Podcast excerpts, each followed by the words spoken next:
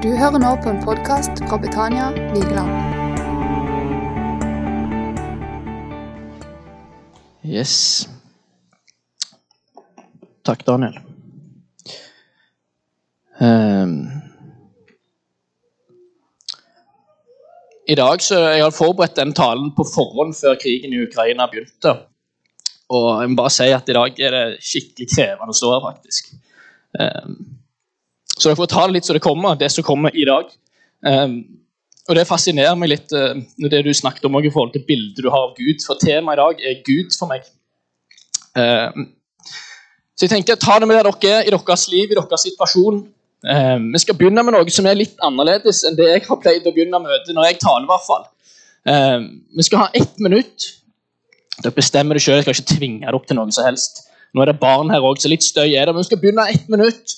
Um, der du kan prøve å, ja, prøve å legge litt fra deg andre tanker uh, som er rundt deg i din hverdag, og så fokusere på Gud, far. Hva er det bildet du har av han uh, i ditt liv? Ikke tenk på hva naboen har sagt, eller hva jeg har sagt. Vi skal ha litt om temaet underveis. Men prøv å bruke ett minutt. Det er ikke så lenge, men kan oppleves tungt. Uh, ha fokus på hva og hvem er han for deg. Og De som ønsker å tegne det, gjør det. Det bestemmer du sjøl. Det er valgfritt. Eh, men vi prøver å være litt stille i respekt for de som sitter rundt oss. Så skal jeg ta oss og hanke dere inn. Ett minutt, det som du får et bilde av hvem er Gud, far, for deg.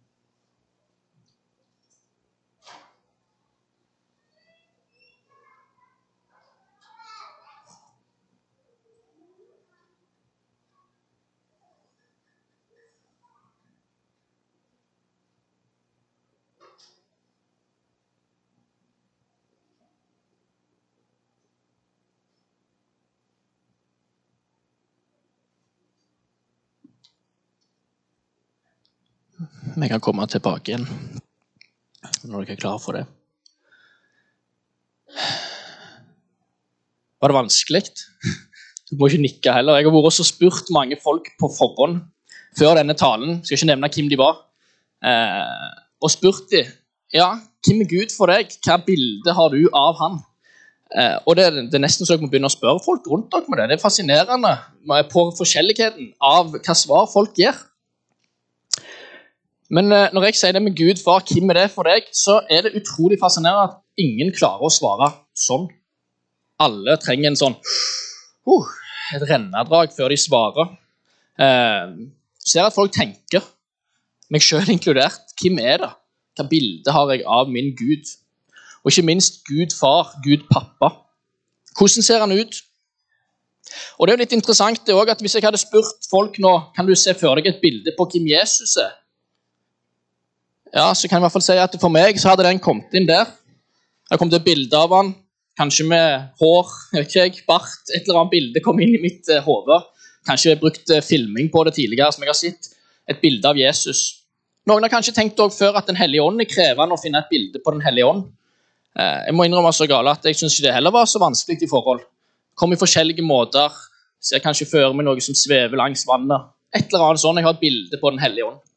Men Gud da kan det være vanskelig å vite hvordan, hvem er han, eh, på hvilken måte er han.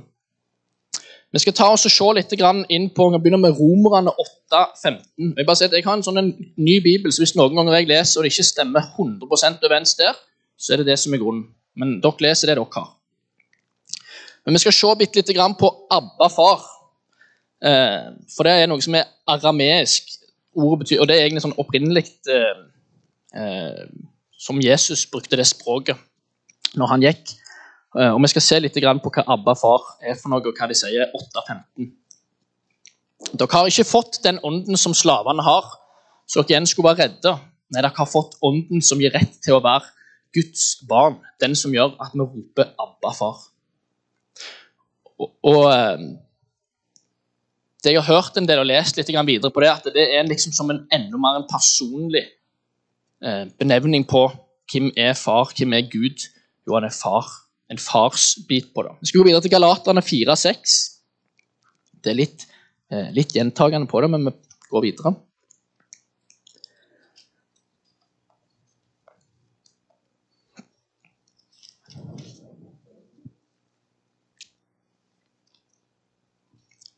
Supert, Eilo. Galaterne 4,6 så står det fordi dere er barn, har Gud sendt sin sønns ånd inn i våre hjerter, og ånden roper 'Abba, far'. Abba, far. Ånden som roper 'Abba, far' i våre hjerter. Og Vi skal også lese det Jesus sa i Markus 14, 36. Det blir en del eh, bibelvers, så jeg håper det gjenger.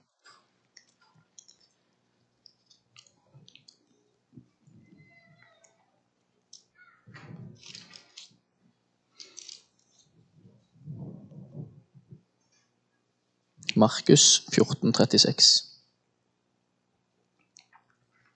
Og Jesus sa, og dette er for de som ikke husker helt hva er setningen, men det er jo Jesu bønn i Getsemane før han ble liksom tatt til fange, da, før han ble korsfesta og skulle ha med seg sine eh, disipler, før han ble tatt inn. da.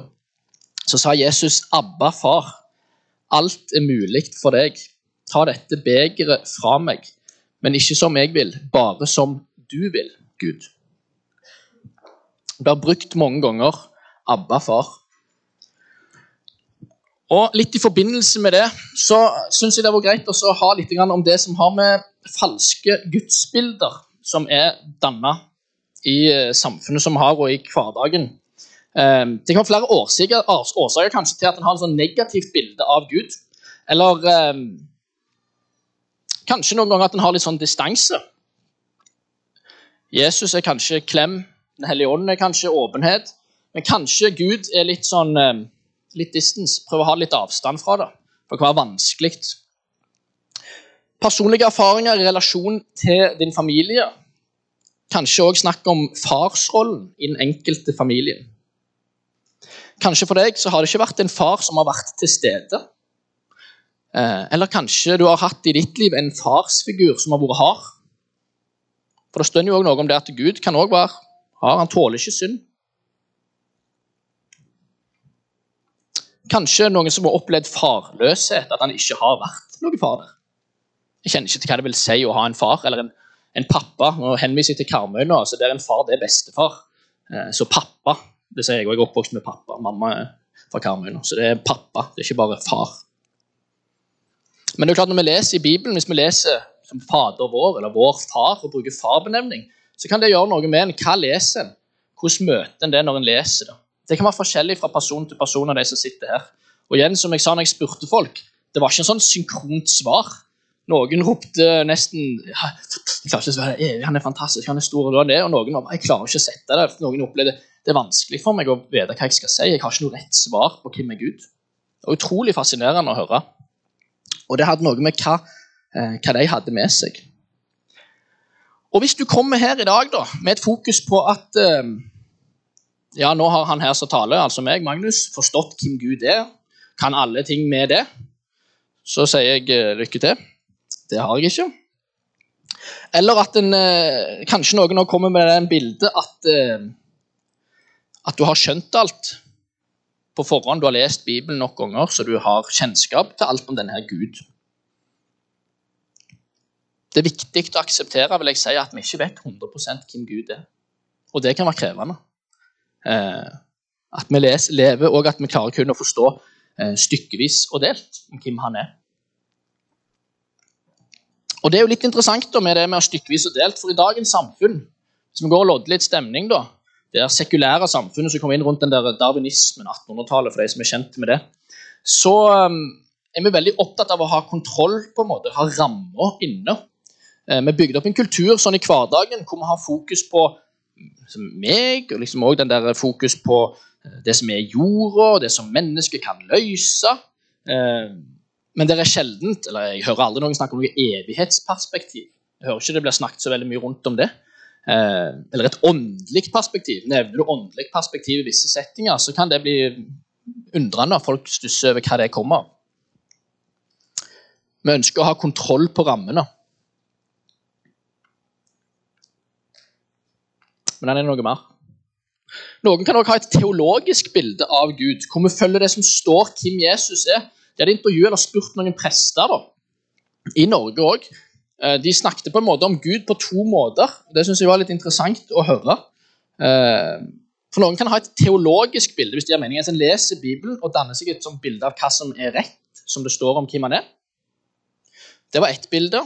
Men når en liksom spurte de eh, om hvem Gud er, som et indre bilde, altså hvem er ditt bilde, indre bilde av hvem Gud er, så var ikke det helt synkront med det en hadde lest eh, fra den enkelte. Og Kanskje er det sånn for deg òg. Og det er litt interessant, fordi Vi danner oss jo i ganske ung alder et bilde av Gud. Skal ikke ta noe for en god fisk, da, men mange pleier å si at det er en seks, syv, åtte års alder en begynner å danne seg, at en kan snakke liksom om hvem er Gud, hva er Gud, hvordan ser han ut. Det er jo selvfølgelig abstrakt, og så må ta det med en klype salt. Men det er ganske tidlig alder, og det vil jo ikke være likt fra person til person. Og kanskje kan det òg være at den har endra seg i visse settinger i ditt liv, i de tingene du har gått igjennom, opplevd. Så kan det være at Gud har vært med å endre seg for deg. Gud er ikke en vi skal fatte 100% med hodet, han er mer. Og med det når han sier så mange ganger i Bibelen 'Jeg er', ikke noe mer. Sant? Vi har jo behov for ja, hvem er det du er? Hva er identiteten? Hva er du? Det er bygd opp det spesielt i det sekulære samfunnet. Ja, hvem er det Kanskje hvem er det du tror du er? kommer ofte opp. Men han sier bare 'jeg er'. Ikke noe mer. Han er skaperen vår. Så har vi jo litt med det at det, vi er jo den der treenigheten som vi snakket om. Gud, Jesus og Den hellige ånd. Eh, der Jesus er jo 100% Gud og 100 menneske. Det kan være vanskelig å forholde seg til noen ganger. Eh, og Den hellige ånd, helt i starten i skaperen, der står det jo at det var ånden gikk langs vannet etter at Gud hadde skapt. Så ånden, Den hellige ånd var òg med på den prosessen. Eh, og Jesus, han som jeg leste i stad, han beskriver jo Gud som far, Abba-far, pappa. Eh, vi skal ta oss og lese en story kom til å være litt den, og Denne er en kjenslig story. Jeg bare synes det var så interessant når jeg hørte en annen innfallsvinkel i den, og det er Lukas 15 om den bortkomne sønn. For mange har nok kanskje vært borti den før, men jeg syns det var interessant å se litt på de forskjellige måtene eh, den har eh, hvor det er blitt gjort på. Lukas 15, 11. Det blir litt lesing. Jeg skal prøve å holdt på å si, komme gjennom det, sånn at dere kan henge med. Jeg leser den i min bok, og det kan godt være at eh, jobber på på sida bak, og at det ikke er 100 likt. Så får ta det med en klype salt. En mann hadde to sønner. Den yngste av dem sa til faren, 'Pappa, gi meg den delen av eiendommen som jeg likevel skal arve.' Så delte faren rikdommen sin mellom sønnene sine og ga ham det, det han ba om. Ikke mange dager senere samla han tingene sine og dro til et annet land langt borte. Der sløste han bort alt han eide, på fyll og fest. Og da han hadde brukt opp alle pengene, ble det stor matmangel i landet der han oppholdt seg, og han begynte etter hvert å sulte. Uten penger måtte han se seg om etter arbeid, og han fikk en jobb som grisepasser. Han fikk så lite mat at han spiste av maten til grisene, for det var ingen som ga han noe. Da han til slutt tok til vettet, innså han hvor dum han hadde vært, og sa til seg sjøl til og med i tjenerne hos faren min har mat i overflod, og her holder jeg meg på å sulte i hjel.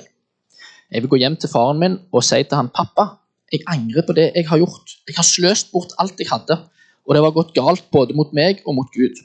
Nå er jeg ikke lenger verdig til å kalles din sønn. Men jeg ber deg om å ansette meg som en av dine arbeidere, tjenere. Så reiste han seg og gikk hjem til faren. Faren han fikk øye på sønnen mens han fremdeles var langt unna og han fikk inderlig medlidenhet med han. Han løp mot sønnen, kasta seg om halsen på han, og han kyssa han.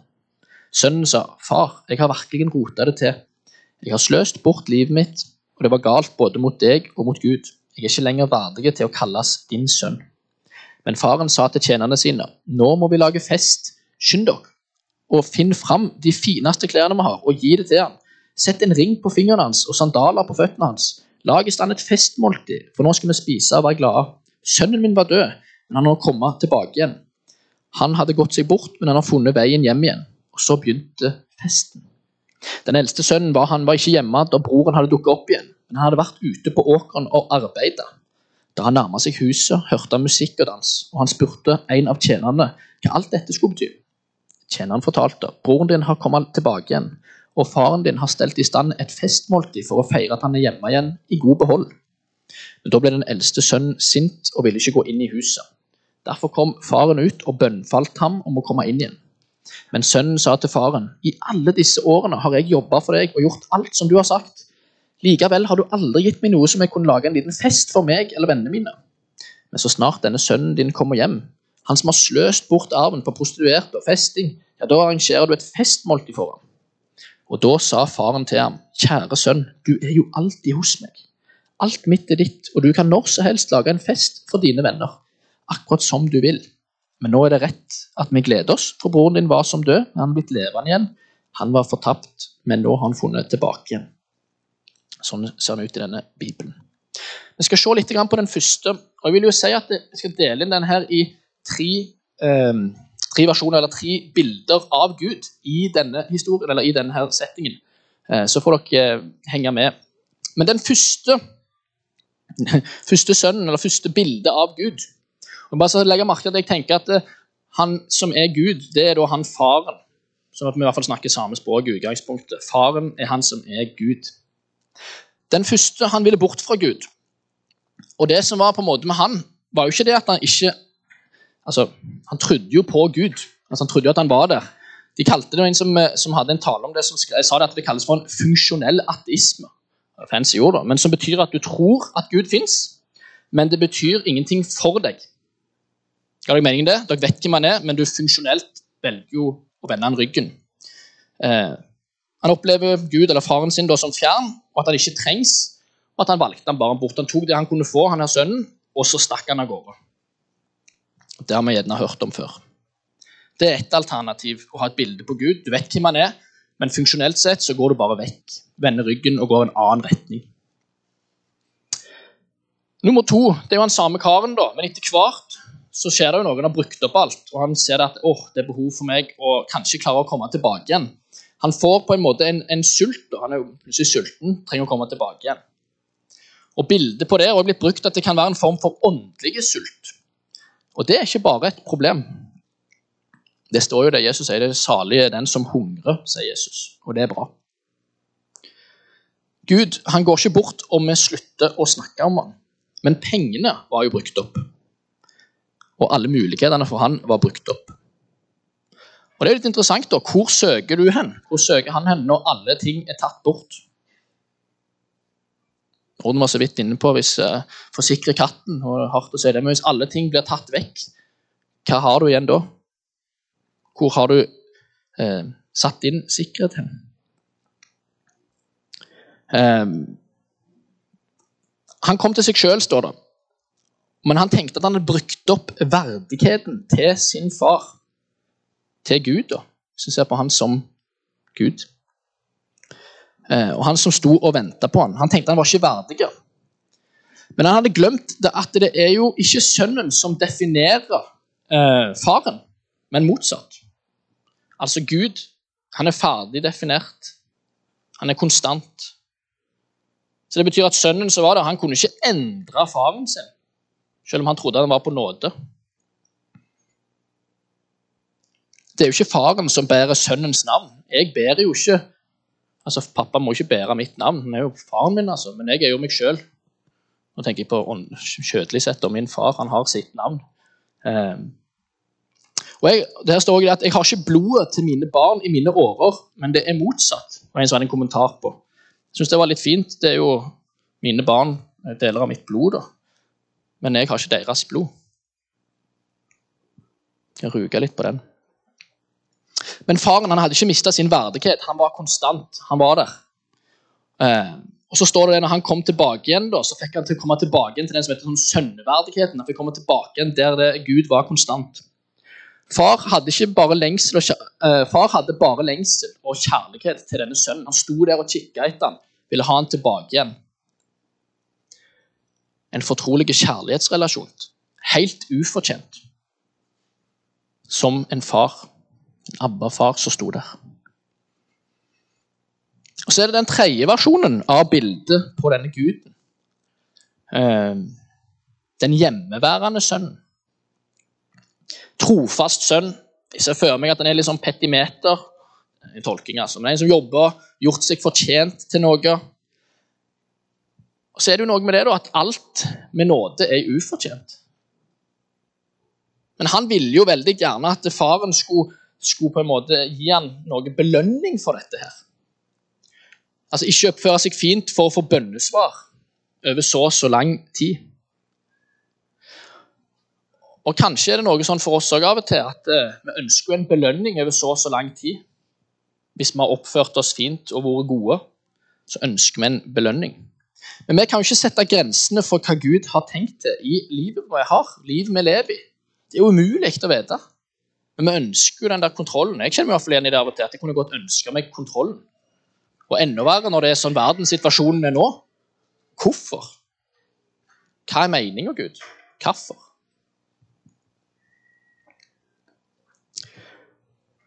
Jobbs bok kommer, Det er ikke sånn at jeg synes det er en sånn bok som dykkes ned i hver eneste søndag. Eh, jeg blir snakket om. Men gjerne er det en litt misforståtte bok i forhold til om det er en bok om lidelse. Jeg skal ikke dykke langt ned igjen, men er det en bok om lidelse med han her som eh, Det var liksom en sånn Gud og djevelen hadde sin sånn kamp seg imellom, eh, eller hvem de skulle gå for. Og om han testa han ut og tok vekk ting og tok vekk ting. Eh, varer i ca. ett til to år, der han blir testa og tatt fra. Han mister flere ting, han mister flere ting jobb. Han står og snakker med de kompisene i mange mange kapitler. Det er mange kapitler, altså. Eh, men han handler jo dypest sett, hvis vi kan ha de brillene på, at det er en tilbedelse uten å få noe igjen. Å, altså, kan du elske Gud uten å få noen ting? For hvis tro er bygget på at vi skal få ting, da er det jo oss sjøl som vi elsker. Den kan være litt tøff å, å kjenne på. Men går det an å tro på Gud uten at det er en belønning i det?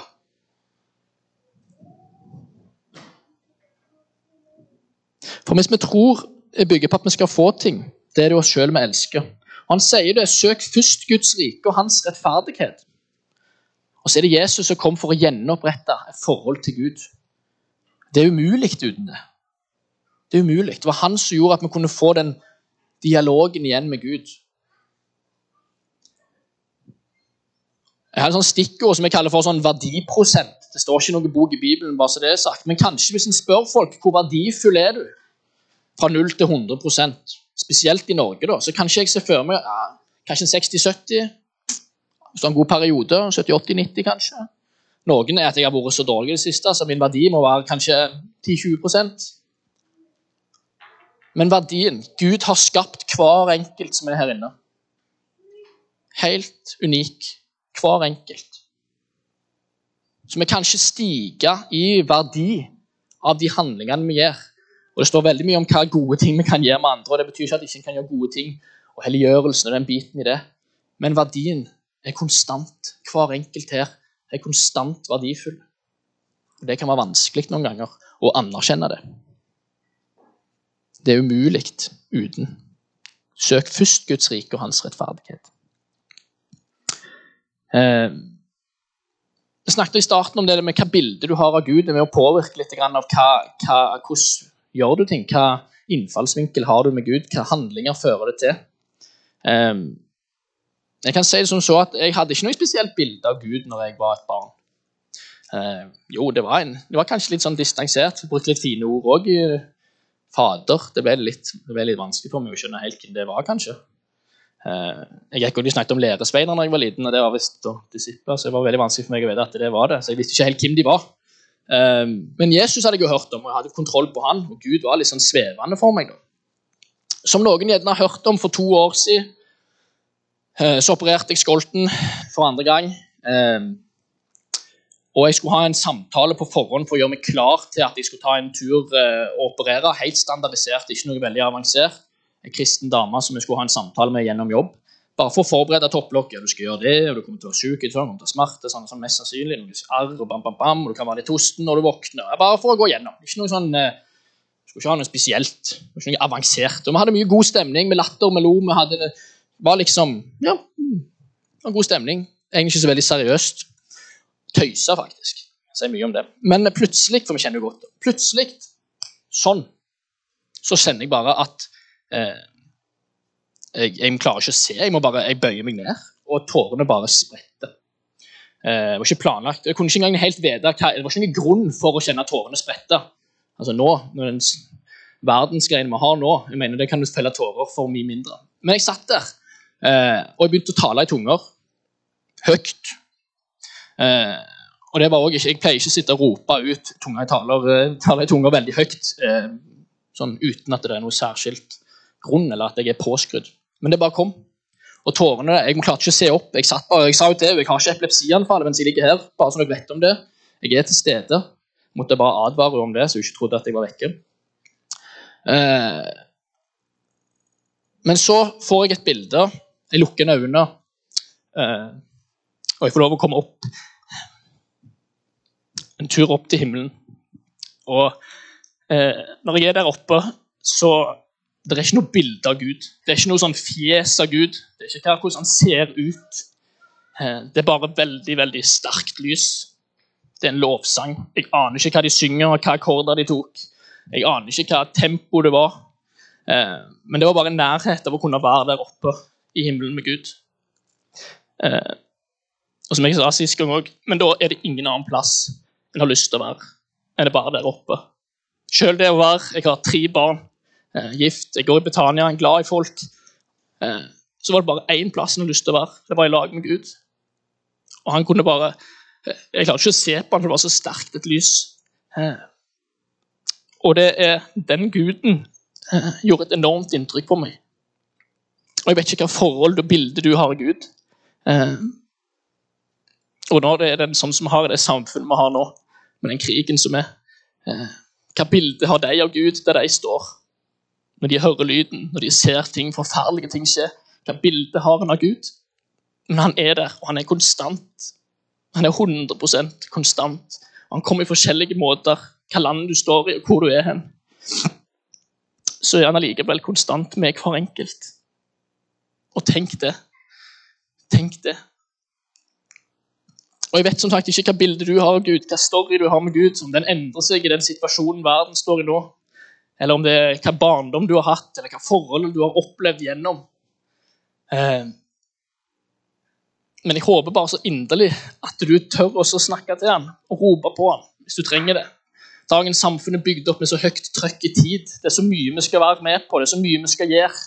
Gjerne bare bap, bap, bap, med et inntrykk hele veien. Men å kunne ta oss tid til å snakke med han. Gå ut i skogen hvis du trenger det, og rop til han. Han tåler det. Han ønsker det. Han er konstant. Han venter på deg. Han er som han faren som står der klar. Åh, det er fint. Du er der. Og Hvis du også tenker jeg har jo stått der så lenge, Gud, å, jeg skulle gjort meg fortjent til noe mer Han er der konstant. Hver eneste dag i ditt liv. Bare husk det. Du kan få lov å snike deg opp, Daniel. Men husk det. Og hva bilde du har av Gud. Det går an å si det òg faktisk til Gud. Han tåler det. At, vet du hva, Gud, jeg syns det er vanskelig å vite hvem du er. Jeg har vanskelig for å sette et bilde på det. Jeg klarer ikke å finne ord for det. Så tåler han det og sier, vet du hva, Gud, jeg, jeg, jeg, ønsker at du kan gi meg forståelse av hvem du er. Gi meg mening med all den krigen som er. Men at vi søker først Guds rike, istedenfor at jeg søker hva alle andre der ute sier for noe om hvem Gud er. At jeg bare også skal teoretisk jeg anbefaler folk å lese Bibelen, men at jeg teoretisk skal fatte og forstå etter jeg har lest alt i Bibelen, til mer enn har lest om hvem han er. Noen ganger kan det nesten være vanskelig hvis jeg ikke har åpnet opp det indre bildet mitt med Gud der oppe. Det er kjempeviktig. Så tenker vi noen ganger at ja, jeg har bedt så og så mange ganger, så nå må han vel høre. Begynner å bli litt lei. Eller jeg har gjort så og så mange gode ting. Nå må det være åpent på linja. Kanskje er han stille. Kanskje merker han ingenting. Men det er òg greit. Han er der, han har kontroll. Tørre å tro at Gud har kontroll over deg. Vi skal ta og be til slutt. Jeg takker deg, Jesus. Jeg takker deg, gode Gud. Jeg takker deg, Hellige Ånd, treenigheten. Jeg takker deg for at vi kan komme til deg sånn som vi har det i vår hverdag, i den situasjonen vi er i, den situasjonen som verden står i, Jesus. Jeg bare ber deg at det, men du skal bare komme der inn og jobbe med hjertene våre, sånn at vi kan søke deg først, istedenfor å søke alle andre plasser. Vi kan få lov å reparere det bildet vi har på det hvis vi kjenner at det er vanskelig å se på hvem er du egentlig, Gud. Hva er du i mitt liv? Og Jeg ber deg bare far om at du virkelig skal Hver enkelt som sitter her, de vet hvordan det er på innsida. Du vet hva forhold de har. Jeg ber deg bare, Jesus, om at du skal være med og reparere det. For når du ble sendt til å dø på korset, far, for oss Det var jo redningen. Jeg ber om at alle skal få lov til å kjenne den redningen. Takk, Jesus. Takk, Jesus.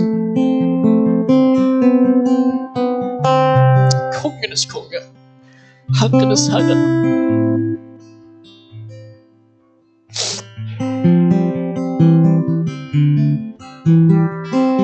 Som du trenger etterpå nå. Vi kommer til å ha mulighet til å ha forbønn der nede i det rommet. Du kan bare bli sittende eller stå. Daniel spiller for oss. Men bruk den tida du har nå, til å søke først rike. Snakk med ham. Kom med de tingene det du har. For du er bare god.